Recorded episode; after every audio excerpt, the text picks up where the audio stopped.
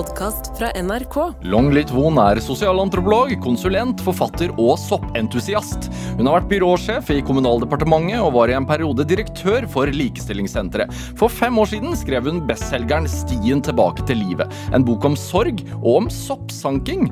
Og en bok som til nå er oversatt til hele 17 språk. Dette er Drivkraft med Vegard Larsen i NRK P2. Long Litvon. Velkommen til Drivkraft. Tusen takk. Så hyggelig å være her. Veldig, veldig hyggelig å ha deg her. Hvordan har du det? Ja, det er bra. Ja, det er bra. Det er jo soppsesong, vet du. Ja, og det, og det, det føler jeg at det blir matet til oss daglig med, med spiseskje, holdt jeg på å si, at det er soppsesong. Også, avisen skriver jo at uh, året i år er liksom ellevilt. Ekstremt bra soppår i år. og det føler jeg at du beviste da du kom hit til uh, NRK-huset i Oslo i dag. Fordi rett utenfor her, yeah. uh, midt i byen, på gressplenen vår, hva fant du der? Da fant jeg sopp, Ja, det eh, og jeg plukket to av dem. Mhm. Egentlig så var det mange flere. Men eh, jeg tok med to, da. Tenkte det kunne vært litt eh, eh, interessant for deg. Ja. Og for programmet. Ja. Så jeg fant en uh, en sjampinjong. En sjampinjong. En sjampinjong. Vokser det vilt, altså? Jeg trodde man måtte på superen. Det, det kan man gjøre, men etter at man har, har plukket eh, de ville og spist de ville, så kjøper man aldri fra super, supermarkedet. Igjen, hvorfor ikke? Nei, fordi det smaker så mye bedre! Selvfølgelig! Ja, Selvfølgelig. Uh, og så fant jeg en, en kremle. En kremle. Ja. Hvordan ser det, altså Tilbake til sjampinjongen, fordi den kjenner jo alle. Uh, tror man i hvert fall. Uh, I hvert fall den butikksjampinjongen. Den veit man hvordan ser ut. Hvordan ser den ville sjampinjongen ut? Vel Det er jo den samme arten, da. Eh, men Eller det er mange arter sjampinjonger.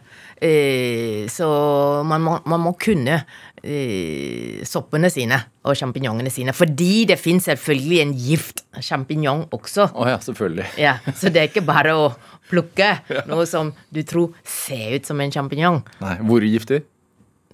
Hvor giftig den er? Ja, Dødelig giftig? Vel, det er litt avhengig av hvor mye du spiser, da. men, men, men det var en av de tingene jeg lærte også, da, at, uh, om, om gift i soppen. eh, at det kan være så mangt, det også. Eh, ulike typer gift, og selvfølgelig avhengig av hvor mye du spiser, som jeg sier. Og uh, uh, nå blir du bare litt dårlig av. Men selvfølgelig, det er viktig å ta det på alvor. Mm. Ikke spis det du ikke kan. Um, Vit hva du plukker. Vit hva du plukker, og iallfall det du putter i munnen. Ja. Men den, den ville sjampinjongen som du har med inn i studio her, også, det, den er Altså, den har en veldig stor hatt. Ja. Uh, Det er fordi den er litt eldre. Ja. Ikke sant? Så når, den, når, når, de, når alle soppene er unge, så er hattene sånn litt lukte. Og så etter hvert som det blir eldre, så åpner det seg. ja. Ja.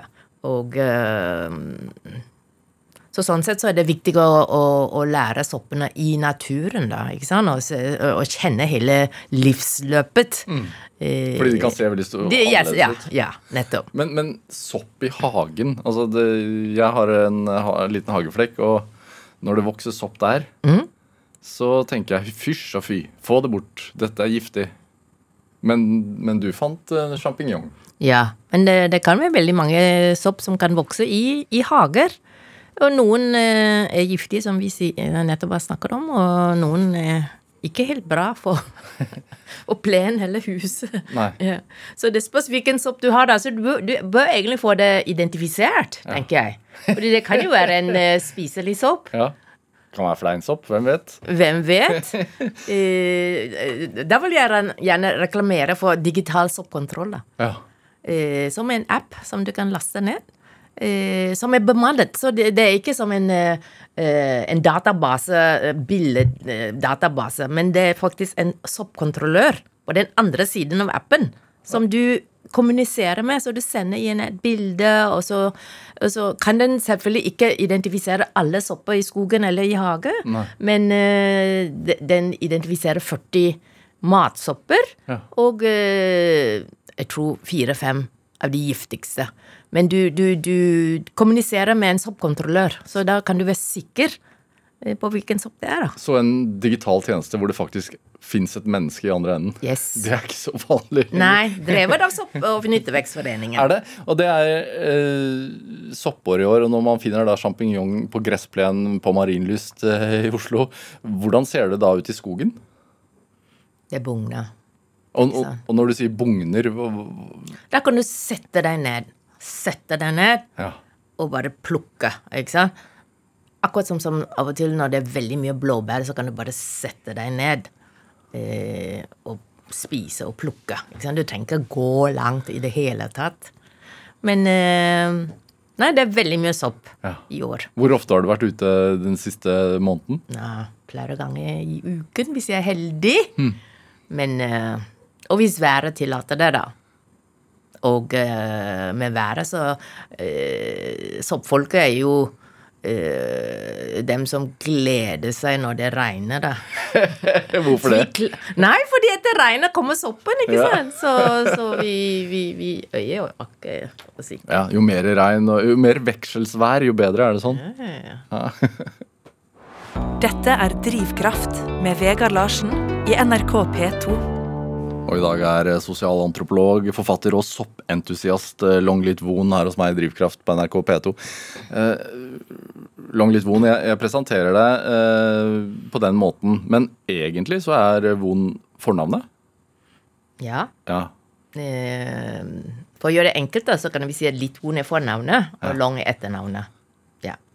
Så, men, men rekkefølgen er riktig, som du, har eh, som du sa. Ja. Long Litvon. Ja. Jeg kommer fra Malaysia. Det er et kinesisk navn. ja. Så, så da leser man fra den siden? Da kommer etternavnet først, ja. Ja. Er det Malaysia Du har vokst opp der. Eh, og hvor i Malaysia? En liten by. Og liten i malaysisk sammenheng, da. Hva er det? Vel eh, Det sies at det er 250 000, men, men det, det, det er litt avhengig av hvordan man teller, da. ikke sant? Men uh, en liten by som heter Taiping, uh, en og en halv time fra kysten i Vest-Malaysia. Mm, Men en gammel, historisk by. Hvordan ser den ut? Den ser ut som veldig mange byer i Malaysia. Altså øh, En sånn sjakkbrettmønster, ikke sant? Eller sånn øh, parallelle gater og, og øh, Så det er lett å finne frem. Ja. Og i min lille by, da, så er det en én hovedgate og to, tre, fire andre parallelle gater eh, på begge sider av denne her eh, hovedgaten. Ja. Så mer er det ikke. Men det sprer seg veldig, da. Hva, hva er hovedinntektskilden i den byen? Vel. I gamle dager, og denne byen er en historisk by, ikke sant. I gamle dager var det tinn. Ja. Eh, og Malaysia var jo en gang eh, en, eh, en hovedeksportør av tinn. Og det preger denne byen på den måten at um, det er en stor park med mange eh, vann. Og disse her eh, var tidligere sånne tinngruv... Altså en del av gruvene. Fordi de Ja. De, de, midt i parken. Ja. Altså, så etter hele, hele tinneventyret tok slutt, så ble det en park med sånn veldig pene vann. Ja. Hvordan var det da du vokste opp? da? Var det tinnutvinning? Nei, Nei, nei, nei. Det er liksom litt før min tid. Hva, hva, fa familien din, altså da du vokste opp, hva, hva gjorde moren og faren din? Far var rektor på en skole. Riktignok den største gutteskolen i Taiping, og mor var eh, husmor. Så en sånn middelklasse. Ja. Er det delt opp? Altså at det var gutte- og jenteskole? Ja, det var det. Så jeg gikk på jenteskole og hadde skoleuniform. Mm. Og um, kan eh, knytte slips uten, uten hjelp. For ikke sant, Malaysia har jo vært en uh, engelsk koloni. Ja. Så selv om jeg ble født etter frigjøringen, så var det veldig mye uh, som engelskmennene eh, kom med, som fortsatt eh, var aktuelle. da. Hva hva andre ting? Altså, hvordan, altså, den ene er liksom hvordan hele skolesystemet ble lagt opp. Eh, og hvordan eh, eksamene ble lagt opp. Og i, i, min tid så var det faktisk fortsatt eh, med pensum som var bestemt i England. Mm. Så, ja, så selv, selv etter frigjøring. Men den, den, endret seg fort, da. Ja. Det er jo uh, Malaysia er multikulturelt. Mm. Uh, Reli multireligiøst. ja. Hvordan uh, Multispråklig. Flerspråklig.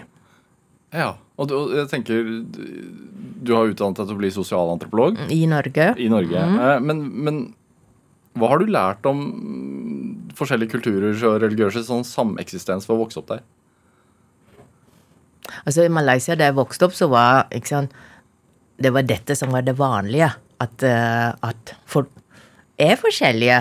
Altså, ikke bare fordi de er forskjellige sånn, personligheter, og sånn, men de, de, har veldig forskjellige grunnverdier. Religioner, språk osv. Det var det som er det vanlige. Jeg tror ikke jeg kjente noen som bare snakket ett språk. Det ville vært det snodige. Ja. Hvor mange språk snakker du? Nei, det er et vanlig vanskelig spørsmål å svare på, fordi liksom, hva vil det si å kunne et språk, ikke sant? Men uh, uh, men i Malaysia, da, ikke sant? først så går du på skolen som barn, og der selvfølgelig da er det et sånn en uh, hovedundervisningsspråk. ikke sant? Jeg gikk på en engelsk skole. Men uh, så er man sammen med folk som snakker ulike språk, og så selvfølgelig når man drar til markedet, så må man liksom finne frem til fellesspråket til å, til å, til å kjøpe og selge. Du snakker om eh, forskjellige verdier i, i, i samfunnet. Hva, hva slags verdier hadde dere hjemme hos familien Long? Nei, Hos oss var det veldig enkelt. Vi skulle, vi skulle eh, um, finne frem til leseglede. Ja. Vi hadde ikke TV hjemme. Og det, så vi var sikkert den eneste familien jeg kjente som ikke har TV hjemme. Når var dette her? Når var dette her? Eh, Det er sånn 60-tallet, 70-tallet. Alle andre hadde TV. Til og med farge-TV. Var det et be bevisst valg? Det var et veldig bevisst valg. Så da vi besøkte vennene våre, så vi var liksom Å, det var veldig gøy å sitte og se på TV. Det var det. Ja. Hvorfor tror du at eh, leseglede var så vesentlig? Det er fordi det var viktig for far. Vik- så, Rektoren? ja, rektoren, ikke sant. Så vi skulle lære å lese, og vi skulle oppleve leseglede. Ja. Mm. Men jeg leste masse, da. Mm. Så det var, det var fint. En, en, klassisk norsk barndom kontra en klassisk malaysisk Hvis det går an å si noe Mm. klassisk malaysisk, hvordan er, hva er forskjellen? Nei, altså For det første så må du liksom putte det i en sånn en tidsperiode. Liksom. Men når, når, da jeg var barn, så var det sånn Tenker jeg at jeg hadde mye mindre frihet, kanskje. På hvilken måte? Ja, At mor og far bestemte alt. Det var liksom ikke så interessant hva vi mente. Bare gjør det som mor og far sier. Eh, så det var ikke så veldig mye valg. Men eh, for meg var det på en måte ok, fordi jeg følte at eh, det var noe bevisst over det hele. At eh, Ikke sant? Det var en plan, det var noen verdier som lå bak valg som ble gjort, som, som, som kanskje ikke var de helt vanlige. Ikke sant? Eh, som eksempel dette med TV-en. Eh, så jeg stolte på mor og far. Hvilken plan tror du de, de hadde for deg? Nei, selvfølgelig. Altså, vi var jo minoritet, ikke sant. Også, det er nummer én. Og nummer to, en kinesisk familie som har Som, som, som veldig mange kinesiske familier, veldig sånn stor eh, vekt ble lagt på utdanning, ikke sant. Så det var, det var det som var tingen, ikke sant. Vi skulle gjøre lekser og Ja. Hvor stor er den kinesiske minoriteten? Cirka? Det er faktisk en sånn statshemmelighet. Ha. Fordi, det, nei, altså, fordi det, det, det, dette er politisk sensitive eh, tema. Eh, så det har ikke vært uten problemer, dette her eh, flerkulturelle eh, samfunnet. Det har ikke alltid vært en sånn fellesskap. Så det, det, så, så det, som, det som er interessant er egentlig å se ikke Vi har nettopp hatt valg her i Norge, da, men lokalvalg, men eh, du, du ser jo hvordan Altså viktigheten av, av, av eh, ledelse. Viktigheten av politisk ledelse. Hva, hva som er ok å snakke om, hva som ikke er ok å snakke om. Hva er det vi skal strebe mot? Hva er det vi skal bli? øh, hvor viktig det er, egentlig. Så det er ikke noe sånn um, Det er ikke sånn som at hvis man har i utgangspunkt et flerkulturelt, flerreligiøst, flerspråklig samfunn, at det eh, må bli det ene eller det andre. Eh, veldig mye avhengig av dem som styrer. Det er jo ca. 33 millioner eller noe sånt i Malaysia i dag, og, og forholdsvis rikt land. Eh, og ikke minst veldig vakker eh, natur. Eh, i, I Norge tenker jeg der er det jo Det sies jo i hvert fall at det er typisk norsk å gå på tur. Eh, er det, hva er typisk malayisk? Det er å gå ut og spise. Spising, det er nasjonalsporten, og, eh, og det gjelder alle, de, alle disse forskjellige etniske grupper. Alle liker å spise. Ja. Så Ja. vi snakker om folk vi, uh, vi snakker om mat vi har spist, Mm. vi snakker om mat vi spiser, og vi snakker om mat vi skal spise. Hva er det beste malaysiske du spiser? Oi, det, det er veldig vanskelig å svare. Det kan jeg ikke faktisk noe av det, noe av det da? Hvis ikke du skal velge. Nei, dette er vanskelig fordi ikke sant? Så det er jo også veldig mange kjøkkener, ikke sant? eh, mange tradis- mattradisjoner. Eh, og eh, Og du kan finne mat i ulike uh, Ulike prisklasser, så det er ikke sånn som at at det som er fint og dyrt, det er kun det som er best. Nei, altså vi har kjempebra gatekjøkkener, ikke sant, som jeg elsker. Så, så alle kan gå ut og spise, altså faktisk. Det er ikke noe man trenger å spare penger til. Men hjemme hos dere er det klassisk kinesisk, eller kjøkken? Altså hva vi spiser hjemme? Ja. nei, altså ok, det er så, også interessant fordi det, det, det er en historikk her, ikke sant? Altså innvandring i Malaysia, det er jo det, det har vært flere perioder og flere uh, bølger av det, så det er jo klart at uh, det har også påvirket Altså disse forskjellige kjøkkenene har jo også um, påvirket hverandre. Um, så det er ikke ren kinesisk, det er det ikke. Eh, altså hjemme hos oss, der vi spiste. Så, mm. Og min mor vokste opp i en sånn malay, um, malais uh, landsby, ikke sant? så det ble veldig påvirket også hvordan, hva de spiste. Hvordan hun lagde mat. Ja. Brukte dere mye sopp? Eh, sopp er veldig viktig i det kinesiske kjøkkenet. Eh, og det regnes som fint. Og uh, mor forteller at eh, under krigen så plukket man sopp, fordi da var det mangel på mat. ikke sant? Men i dag så er det altså Soppkunnskaper i Malaysia er veldig ja, ikke-eksisterende. Det, det, er liksom, det er noe som kun man studerer på universitetet. Så det, det fins mykologer som kan ikke sant? en eller to sopper, liksom. Sine spesialiteter. Men, eh, men folket går ikke å plukke sopp. Så når man spiser sopp, det, eh, så, så er det importert, så er det tørket sopp. Eh, Man går ikke ut i regnskogen og plukker sopp. man gjør ikke det. Og, og dessuten, ikke sant, fordi det er så varmt, det er så når sopp kommer, så går den Altså, den, den, den dør veldig fort også, blir borte veldig fort. Ja. Så du må først vite hva du gjør, og nummer to, være der når soppen er der. Mm. Hvordan vil du beskrive soppkunnskapen sånn i Norge? I enkelte miljøer er det veldig bra. Mhm. Men jeg, jeg tror det er en sånn generell skepsis og redsel. Eh, og det, det, det er jeg veldig glad for. Fordi jeg syns at uh, det er bedre at folk er redde enn at de ikke er redde. ja. Ja.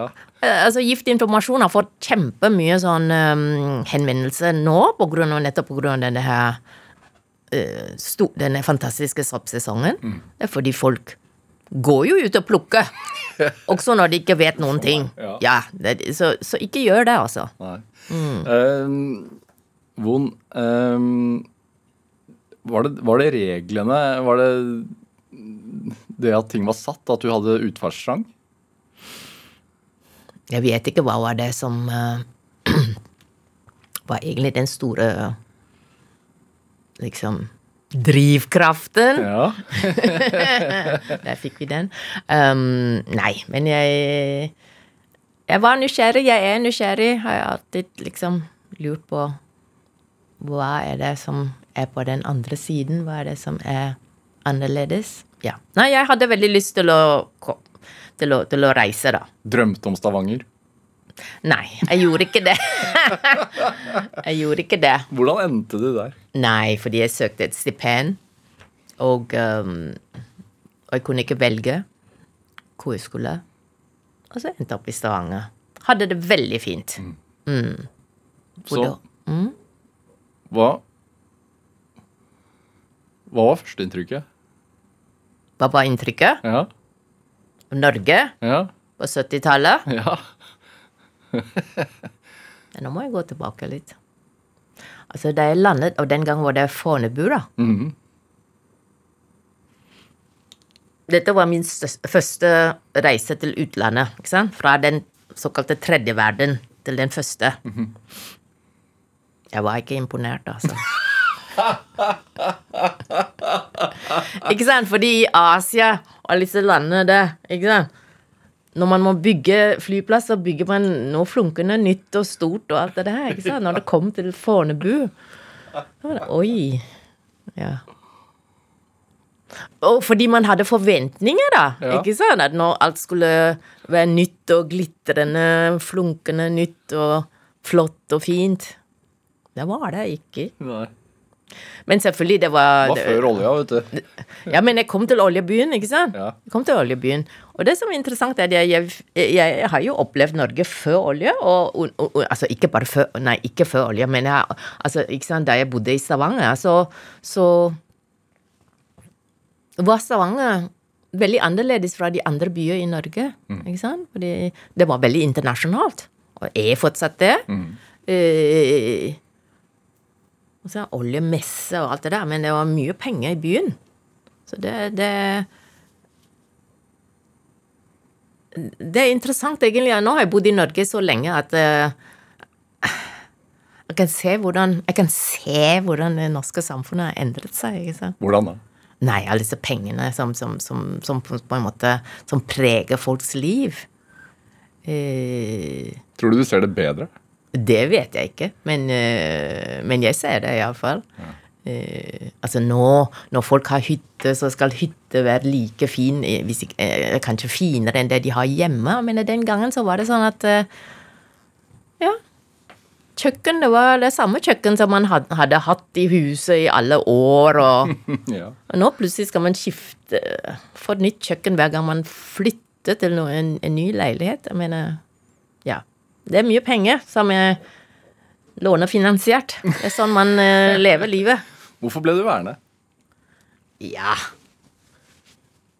Hjerte. Hjerte. Hjerte. Ja.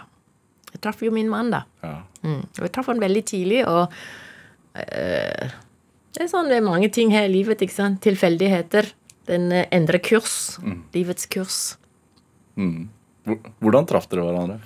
Nei, så Vi traff hverandre på en sånn en fest. Sånn husfest. Du vet, ungdom.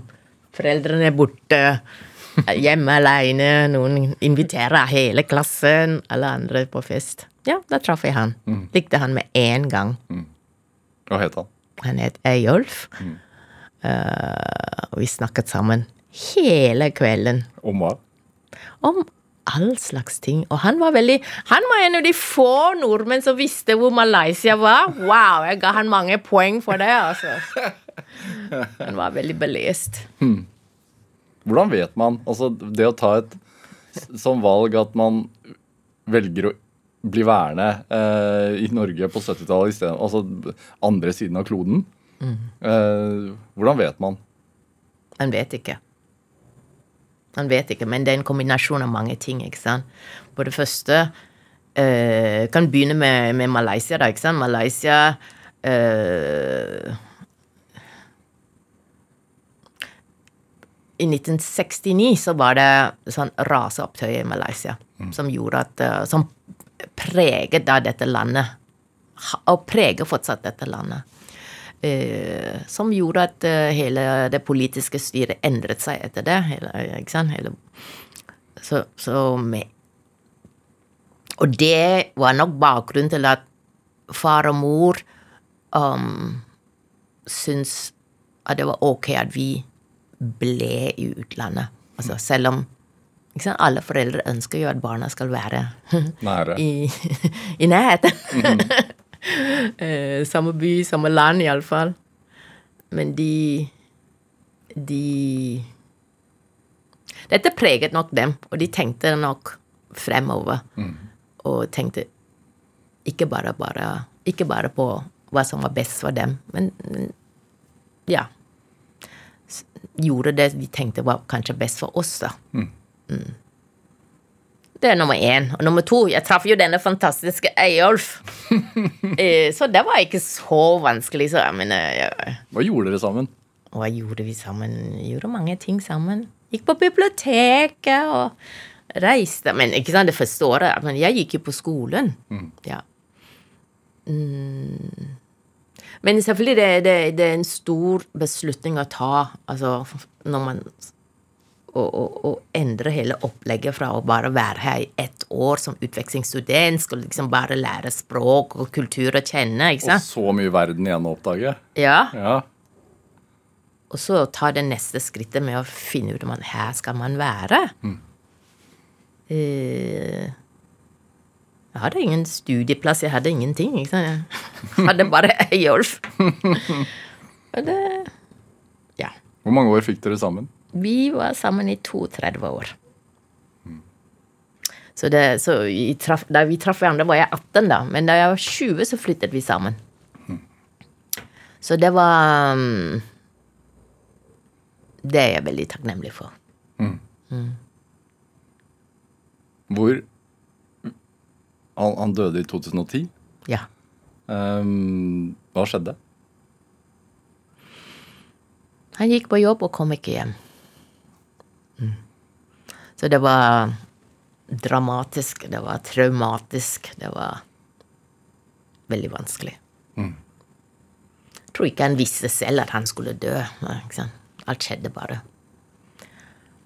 Det ble bare sånn. Og så er det bare å mm, forholde seg til det, ikke sant? Tiden har gått ekstremt fort. Så nå er det 13 år. Det har gått ekstremt fort. Mm. Men selvfølgelig, liv, altså, verden raser jo sammen, da. Ja. Føles det som om det har gått 13 år? Nei.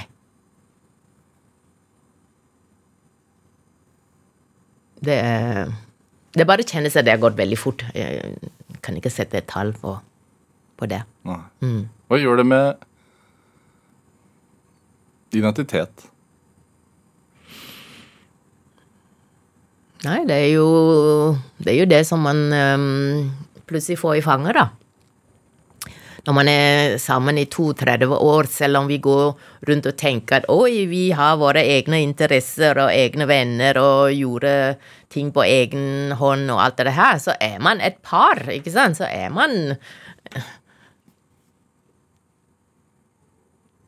en del av noe Ja, en, en del av noe større, da. Og når liksom den andre personen blir borte, liksom, hvem, hvem er jeg nå uten Eyolf? Mm, hvem er jeg? Hva gjør jeg her? Ja. Det er ikke sånn som man finner svar med en gang. Eller man finner svar, men man, man blir Man blir Man lærer å leve med, med, med tapet, da. Det er det. Det er ikke sånn som at det blir bedre eller det blir verre, eller noe sånt, men det, man lærer å leve med det. Føler, oppstår det nærmest et krav om at ja, ja, nå har du sørget så og så lenge, nå må du lære deg å leve med det? Nei. Jeg brydde meg ikke om alle disse kravene. Jeg var veldig Fordi kravet var jo altså Fra omgivelsene følte jeg at eh, det var liksom å komme og bli ferdig med det fortest mulig, ikke sant? Men um, jeg følte at eh, Og det skriver jeg i boken også, at uh, sørge det er en luksus. Og det er en luksus som jeg, jeg vil gi meg selv. Så jeg tar den tiden jeg trenger. Og um, det forandrer andre karakterer, Ikke sant? Um, Og når man er midt i den akutte sorgen, så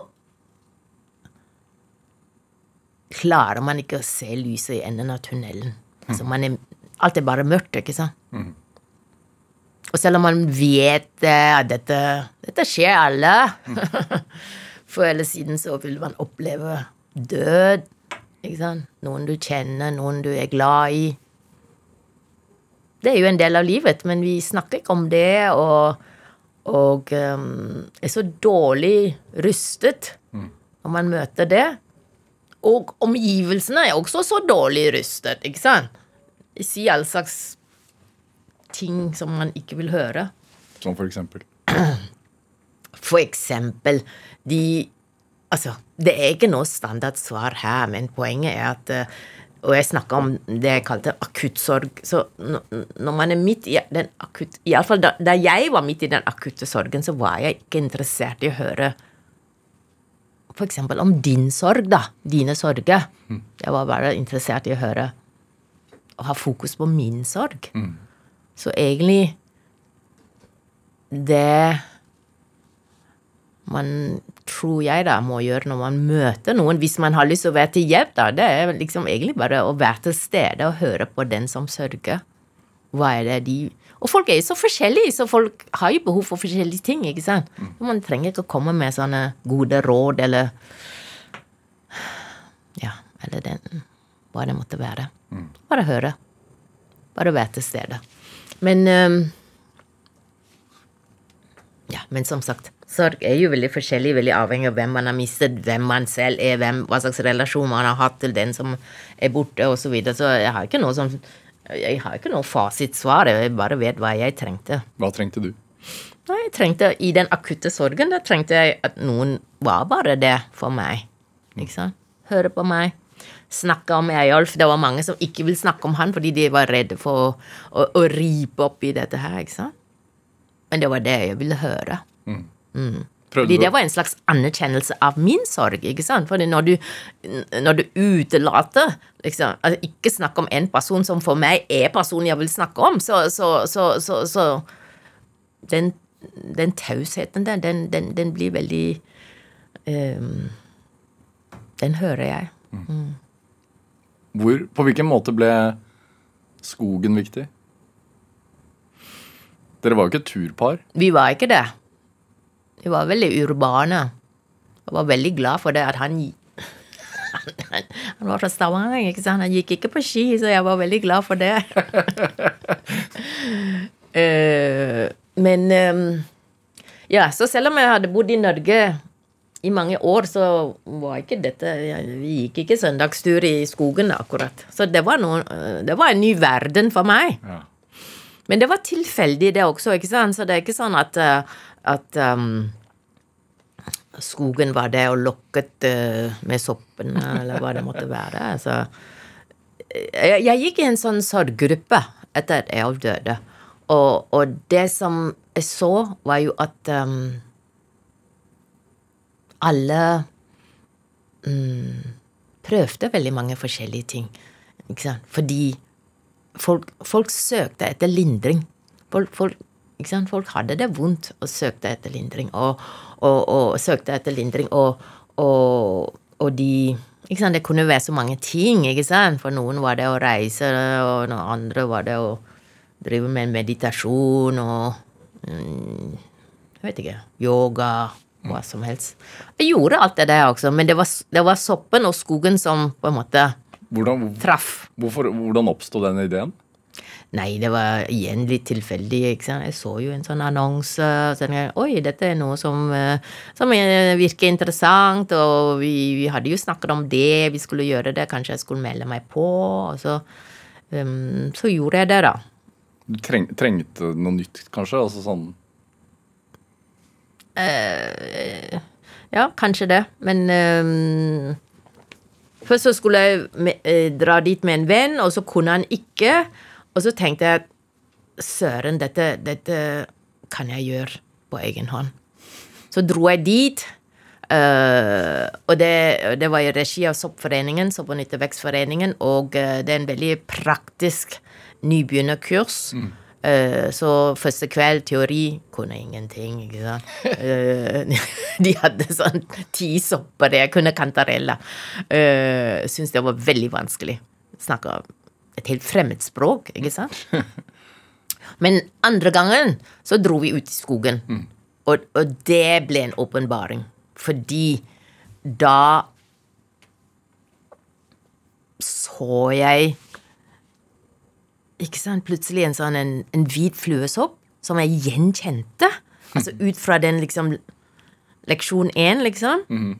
Og, uh, og det jeg grøsset Det var fordi jeg visste altså, Det var første gang jeg liksom så denne soppen og visste hva det var, og skjønte hvor farlig det var. Så selv om det ikke var en matsopp, så ble det en veldig Der står den hvit og pen og er livsfarlig. Ja, og, men ikke sant, bare det, å ha den kunnskapen, den ble veldig sånn Det, det ga virkelig en mestringsfølelse. Uh, så da ble jeg hektet, da. Dette er Drivkraft med Vegard Larsen i NRK P2. Og i dag er eh, sosialantropolog og forfatter eh, Longlit Von her hos meg i Drivkraft på NRK P2. Du ble hektet, sier du. Når, når merket du at du var hektet? Nei, eh, det, var på denne andre Altså andre dagen i dette her kursopplegget. Um, fordi i tillegg altså, Vi gikk tur i skogen, så i tillegg til å, kunne, til å, til å se den der her hvitfluesoppen, så fant vi også matsopp. Husker du hva du fant? Ja, og det var en svart trompetsopp som ikke er så lett å finne. Og som ikke ser ut som noe man har lyst til å plukke hvis man ikke kan det. Og jeg visste heller ikke hva det var. Eh, Men ikke sant, vi gikk tur med to av lærerne som var der soppkontrollører. Og så fortalte de meg at dette var svart trompetsopp, en, en, en delikatesse som jeg hadde funnet, ikke sant? En hel koloni. Så da Da kjente jeg denne gleden for første gang etter jeg døde. Ikke sant? Fordi da han døde, så tenkte jeg Oi, kan jeg noensinne bli glad igjen? Men ute i skogen så, så fant jeg glede. Hvor, lenge, hvor, hvor mange år snakker vi? Nei, det var jo vel Kanskje ett eller to år. Ja. Eh, Ett og et halvt år, tror jeg. Fordi han døde om sommeren, og dette var om høsten året etter. Um, så det var veldig viktig. Det var det som gjorde meg hekta. Altså gleden. Soppgleden. Og, og, og da skjønte jeg at det er lys, ikke sant? I slutten av tunnelen. Man visste jo ikke hva Eller hvordan, eller Så når alt er svart, ikke sant, og du plutselig opplever dette her, så blir man veldig Iallfall jeg da, da, da, da holder man fast ved det. Fordi Ja, det er bare å følge soppen. Det, du, Sopp, følge soppstien. du skri, skriver i boka di 'Stien tilbake til livet' uh, om en sånn følelse av send. Altså sånn om, om den roen man får øh, når man er inne i skogen. Ikke på stien, men altså sånn Kan du beskrive det? Ikke sant? Vi har alle sammen hørt om skogens ro, ikke sant? Ja. Men det er fint å oppleve skogens ro. Altså For meg så var det veldig mange ting på en gang. ikke sant? Fordi det, For det første, husker jeg, selv om jeg har bodd i Norge i mange år, så var ikke dette en sånn et sted hvor jeg følte meg hjemme. ikke sant? Jeg var egentlig redd. Når jeg går i skogen, så er jeg redd. ikke sant? Fordi jeg er redd for å gå meg vill. Redd for å ikke finne veien tilbake. Men når du, liksom, hvis du går et sted mange ganger, så kjenner du det stedet. Du vet liksom at rundt, eh, eh, rundt den lille haugen her, så så er det en sving, og så er det en annen sti så, Altså, når du kjenner et sted, så, så, så, så, så slapper man mer av, ikke sant? Men ikke sant, når du går inn i skogen, så er man virkelig Da hører man ikke byen, ikke sant? Og byen er jo veldig bråkete. Eh, da har man en annen lydbilde. Altså, da blir det bare sånn trær og blader og, og vin og, og fugler. Og så disse tause soppene, da, som sitter der og venter på deg. Ikke sant? Um, Ser man ting bedre når man går på sopptur? jeg vil ikke si det på den måten, men jeg har gått tur med, med folk som ikke kan noen ting om sopp. Og da går de forbi. ikke sant? Jeg går bak, og så, så går de forbi en sopp, ikke sant? Så jeg sier hei, hei, hei, se på dette her. Som du gikk forbi, ikke sant? Altså, det er klart at man lærer å, å, å, å Man lærer å se på en annen måte. Eh, men det krever at eh, man ikke ha på denne her Strava-appen, da, hvor man skal liksom dra fortest mulig fra A til B. Fordi egentlig du skal gjøre det stikk motsatt. Du skal stå der og se, og, og, og være til stede. Og så det Kan det åpenbare det seg, ikke sant? Ja. Og så, og så selvfølgelig, etter, når du har gått mange turer, så vet du hvordan du skal se. Så liksom, kanskje under de bladene det, du skal liksom flytte litt på mosen og ikke sant? Fordi du, du, du, du har en liksom følelse, fornemmelse. Du utvikler en uh, sjette soppsans. Når skjønte du at du var nødt til å skrive om dette her? Nei, det er ikke sant. Jeg begynte å fortelle vennene mine om disse, disse rare soppfolket, og om disse rare soppene, og som er et eget rike. Tenk det, det er et eget rike. Hva mener du da? Nei, soppriket er et eget rike, så en sopp er ikke en plante. Det er iallfall ikke et dyr, men det er ikke en plante, ikke sant? Hæ. Det er et eget rike. Hvor mange arter er det? Det er et vanskelig spørsmål. Det er mange som ikke er blitt uh, registrert, oppdaget ennå. Ikke bare i Norge, hele verden. Så det er liksom wow. Det er liksom en ny Jeg tenkte en sånn science fiction-greie. ikke sant? Det, det går inn i en ny verden. Og du ser det med nye øyne. Det er helt fantastisk. Ja. Så da tenkte du at dette her vi må flere få nyte? Ja, jeg tenkte det. Jeg tenkte oi, kanskje jeg kan skrive en, en, en annerledes soppbok. Um, som handlet ikke bare om soppen, men også om folket og min, min soppreise, da. Mm. Så det er en bok om sorg også. Nei, det var bare en bok om sopp. Og det var det, jeg, det var det som var ideen, og det var det som jeg søkte og fikk penger til å skrive. Og det, det, det var veldig avgjørende der jeg fikk eh, At noen trodde på min idé. At ikke det var bare liksom en, eh, en fiks idé jeg hadde. Så jeg begynte å skrive en soppbok. Eh, og det gjorde jeg ikke sånn fulltid, da. Ikke sant? Gjorde det da jeg hadde tid, og så videre. Og, og, men jeg visste hele tiden at um, at, Det var på grunn av Eyolf at jeg startet uh, sopp, med, med soppen. Og det var også, så skjønte jeg også i mitt eget hode at, eh, at, eh, at det hjalp meg. ikke sant? At jeg gikk inn i skogen og kom ut av sorgen. Det var en forbindelse der. Men jeg visste ikke hvordan jeg skulle skrive om det. Um, så tenkte jeg jeg må jo nevne det, da. eh, I forordet eller noe sånt. Og så begynte jeg å skrive. Eh, ikke om ham, men om, om tapet. Eh, og da jeg gjorde det, så skjønte jeg med en gang at, at eh, dette var ikke bare en soppbok, men det var en bok om sopp og sorg. Og grunnen til at det satt så langt inne, er jo fordi jeg jeg har ikke lest en sånn bok før, ikke sant? Så jeg visste ikke det. Det gikk an å, å kombinere disse to Det hadde ikke verden heller, for altså, boken er jo har gjort det bra i Norge, men eh, også den er oversatt til 17 språk og eh, blir stadig nylansert verden over. Er det Hvorfor tror du at den er universell? Fordi soppene er jo norsk. Ja, så det, men sopp finnes man overalt. Ja. Men de soppene jeg skriver om, er, er sopp som finnes i Norge.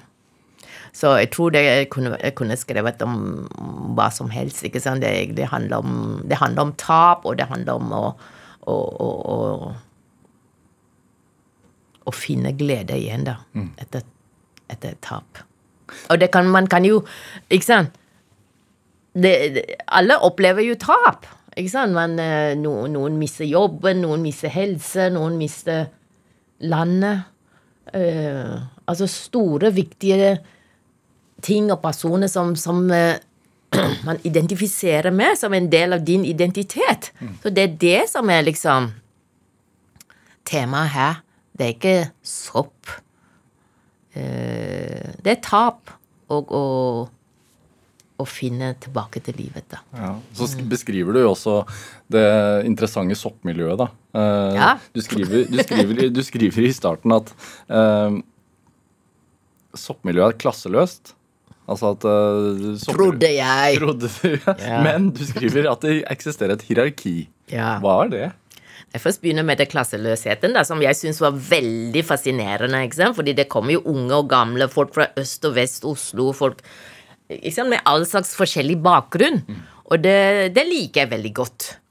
Eh, fordi vi, det vi har felles, er denne soppinteressen. Og ehm, og alle er bare ute etter å lære mer og sanke steder, sanke sopp og beskytte stedene sine og uh, Ikke sant? Så jeg likte det. Så tenkte jeg det var klasseløst. Som jeg syns var ja, besnærende, sjarmerende. Ja, og du er utdanna sosialantropolog, så du er jo skolert i å analysere og, og Observere. observere. Ja. Men så når man graver litt, ikke sant, og når man eh, blir en del av miljøet, ikke sant, eh, blir soppgal selv, ikke sant, eh, så det er jo også en del av denne her reisen som jeg hadde lyst til å beskrive. Men så begynner man å se eh, skillet som man ikke så i begynnelsen, da.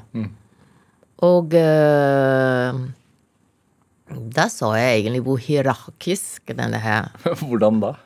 Nei, fordi her er det eh, ikke sant? Soppforeningen er en forening som, som setter stor pris på kunnskap. Soppkunnskap, ikke sant? Latinkunnskap. Ja. Eh, Blir, de imponert over en kantarell? nei. Hva? Hvis man liker kantarell, skal man liksom gå stille i hjørnet og ikke si, snakke så veldig mye om det, for det her er det andre sopper, sjeldne sopper, sopper som øh, som, har, som man har trodd øh, sånn, hadde død, dødd ut, som har liksom plutselig funnet igjen, og sånn, ikke sant? Det liksom Våkne fra de døde. Det er litt som vinmiljøet. Uh, det er mange Det er faktisk veldig mange likhetstrekk. Ikke sant? Man har et eget vokabulær som folk utenfor ikke skjønner. Og så utvikler man også en sånn Fordi du må bruke sansene. Det var det?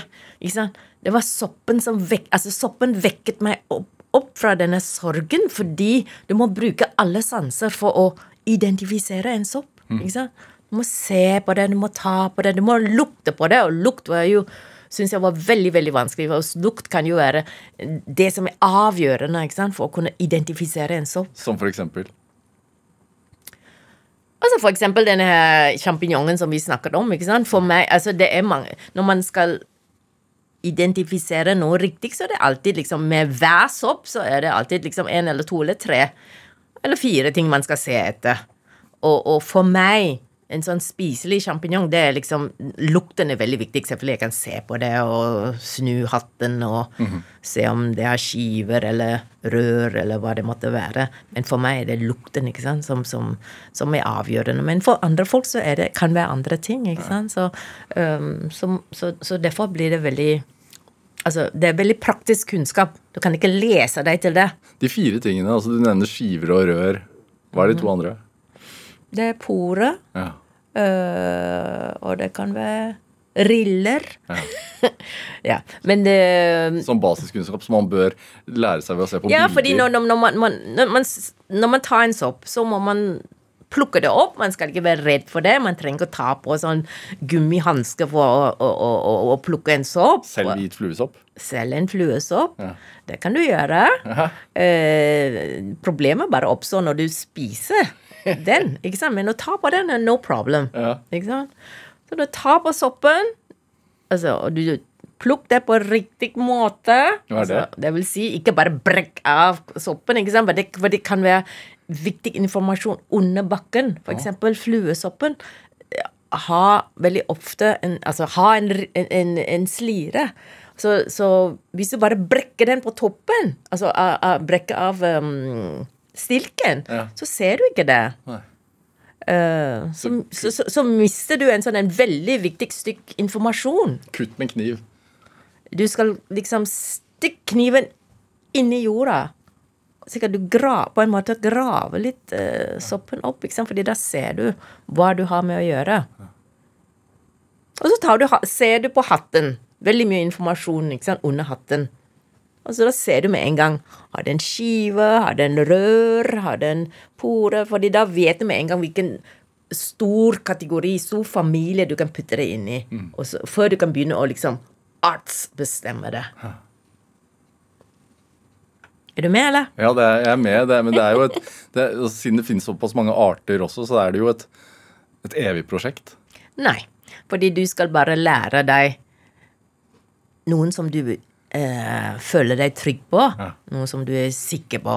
Du sa jo at du plukker kantarell. Jeg er veldig glad plukke, ja. Kantarell og trakkantarell, det, det tør jeg å plukke. Veldig bra. Ja. Ikke sant? Men hvis du lærte deg f.eks. hvordan en kremle ser ut, og hvordan du kan identifisere gode, spiselige kremler, så har du plutselig Tre. tre, og ikke bare det. Kremler fins det mange av i skogen. Og det er mange som ikke kan kremle. Ja. Så hvis du lærte deg kremle, så kan du plutselig ha mye, mye mer å plukke. Ja. Og sånn, Og ikke bare gå ut av skogen uten kantarell og, og, og trakkantarell og føle at det var en mislykket tur, ikke sant? Og så får jeg anerkjennende nikk, nikk av foreningen. Aha, han kan Han kan. Han kan kremle. Hva, Hvilken sopp liker du best å plukke? Altså, min det- det- Min alles Altså, den store favoritten min er spissmorkle. Men mo- spissmorkle er ikke lett å finne. Det er det ikke. Og um, en gang da jeg fant det, så kringkastet det da i, i sosiale medier. ikke sant? Jeg hadde funnet fem stykker. Og så fikk jeg telefon, vet du. Fra, fra Maemo, ikke sant. Eh, de hadde lyst til å kjøpe soppene. Ha. Ja. Solgte du de, da? Nei, for de tenkte Disse skal jeg spise. Hva var de villige til å betale? Sa de det? Nei, vi begynte aldri noe, eh, noe forhandling. Ja. Nå snakker vi. Er det, er det noe av gleden også? Det at mesteparten av den soppen man finner i skogen, nesten alt, ikke kan produseres uh, uh, profesjonelt? Altså, Man veit jo ikke hvordan man dyrker frem kantarell, f.eks. Nei. Altså, mange av de store, populære sopper er, er det vanskelig å, å dyrke frem. Der. Men nå kan man dyrke sjampinjong, ikke sant? Um, men de ville bedre. Ja. Um, så det er klart at eh, noen kan man kultivere, og andre kan man ikke. Og de som man ikke kan ikke har teknologien og kunnskapen til å gjøre, de, da, da er det kun i vill tilstand, ikke sant? Uh, og da, da må du vite hvor, altså, hvor, hvordan du skal plukke det. Du skal vite hvor det er. Du må være det når, når soppene er der. Så derfor er det Derfor koster det så mye som det gjør. Og Hvordan smaker spissmorkelet? Den er, den er For det første, det, altså det er en sopp fra dinosaurenes tid. Så den er virkelig sånn Du føler at uh, En kontakt med ja, gud veit, med livet, ikke sant? Som, som eh, fra mange millioner år uh, siden, ikke sant? Så det, det, det Nei, den er veldig den er veldig, kraft, den er veldig kraftig smak, selvfølgelig. Altså, det, det, det smaker veldig mye. Det er det jeg mener. Er det også en, en del av det å gå på sopptur? At man føler at man er virkelig i kontakt med livet? Eh, det, det, det er så mange ting. Men for meg så er det liksom mm. det, det er den skattejakten, ikke sant? Eh, at eh, at det, det er deilig når man finner noe man ser etter, som man ikke vet at man kan finne. Det, hvis man går på sopptur, og så kom, er det noen andre i skogen der, eller en annen person i skogen, yeah. som har funnet et stort felt med kantarell, Yeah. kan man da sette seg ned og plukke? Oi. Hva, er de, hva hadde vært din reaksjon da? Nei, altså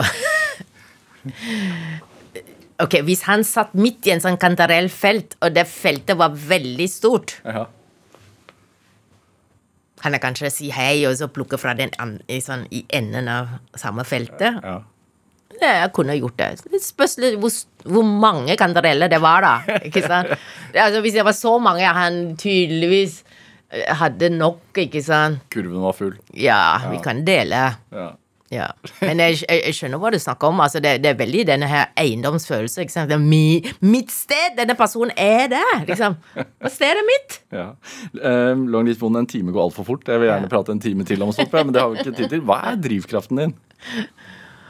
Oi. Det, Veldig kort der nå. Veldig kort. Ok. Uh, kanskje nysgjerrighet, da. Jeg er nysgjerrig. Ja. Long Litt Vondt, tusen takk for at du kom til Drivkraft. Tusen takk, jeg fikk lov til å komme. Produsent eh, her i Drivkraft i dag, det var eh, Ådne Feiring, mens eh, Olav Tessem Widsvang bidro med research til denne sendingen. Dette var Drivkraft. Jeg heter Vegard Larsen. Vi høres. Du har hørt en podkast fra NRK. Hør alle episodene kun i appen NRK Radio.